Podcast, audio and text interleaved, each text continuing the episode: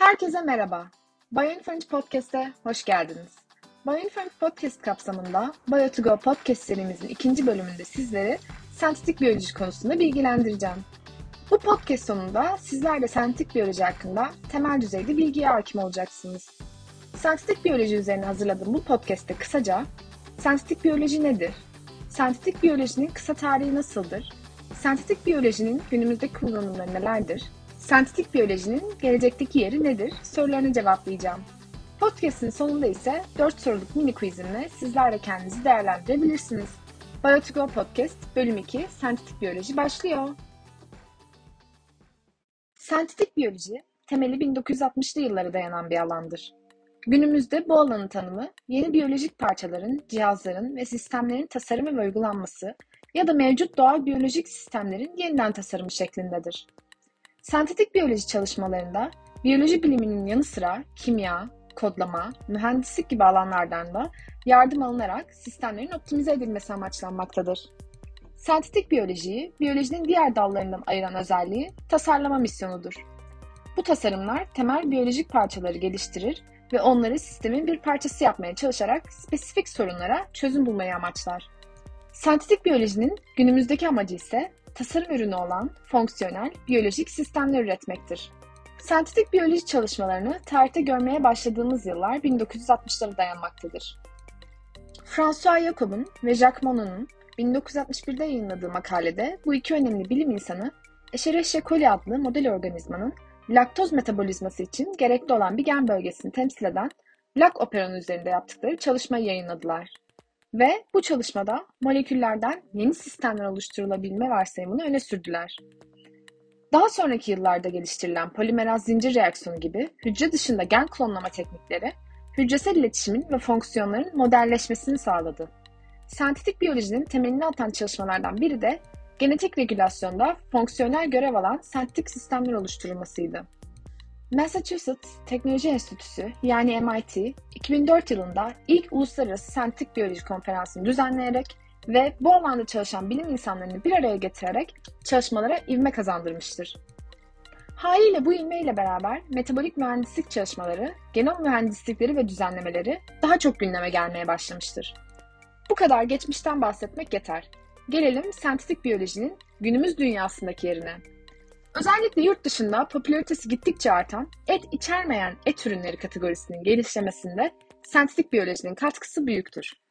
Diyabet ve lösemi başta olmak üzere çeşitli hastalıklara da bu bilim dalı aracılığıyla ilaç üretilmiştir. Sentetik biyoloji sağlık alanıyla sınırlı kalmayarak teknolojide de kendini göstermiştir.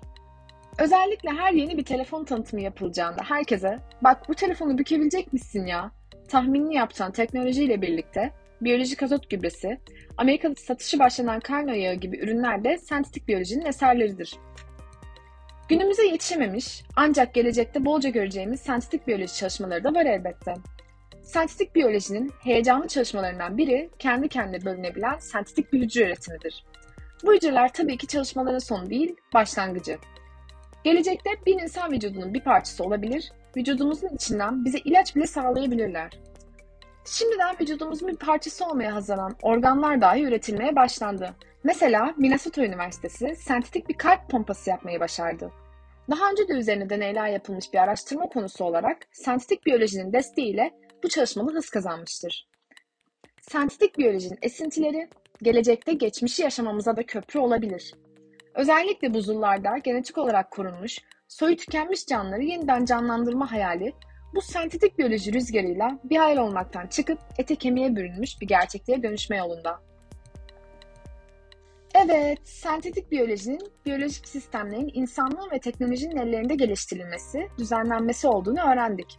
Günümüzde birçok sürecin arka planında yer alan, yeni buluşlara ivme kazandıran ancak insan gözünden ve kulağından geride kalan bir bilim dalı olan sentetik biyoloji hakkında genel bilgiler vermeye çalıştım.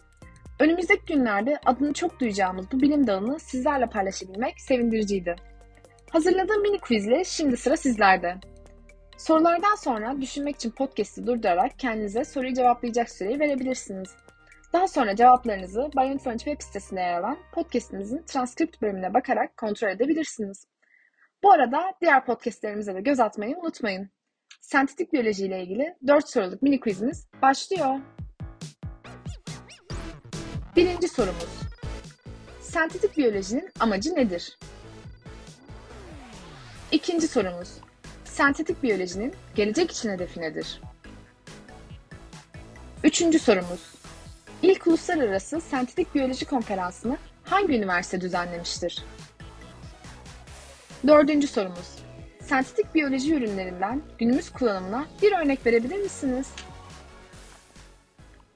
Biotico Podcast serimizin bu bölümünde konumuz sentetik biyolojiydi. Podcast'imi dinlediğiniz için teşekkürler.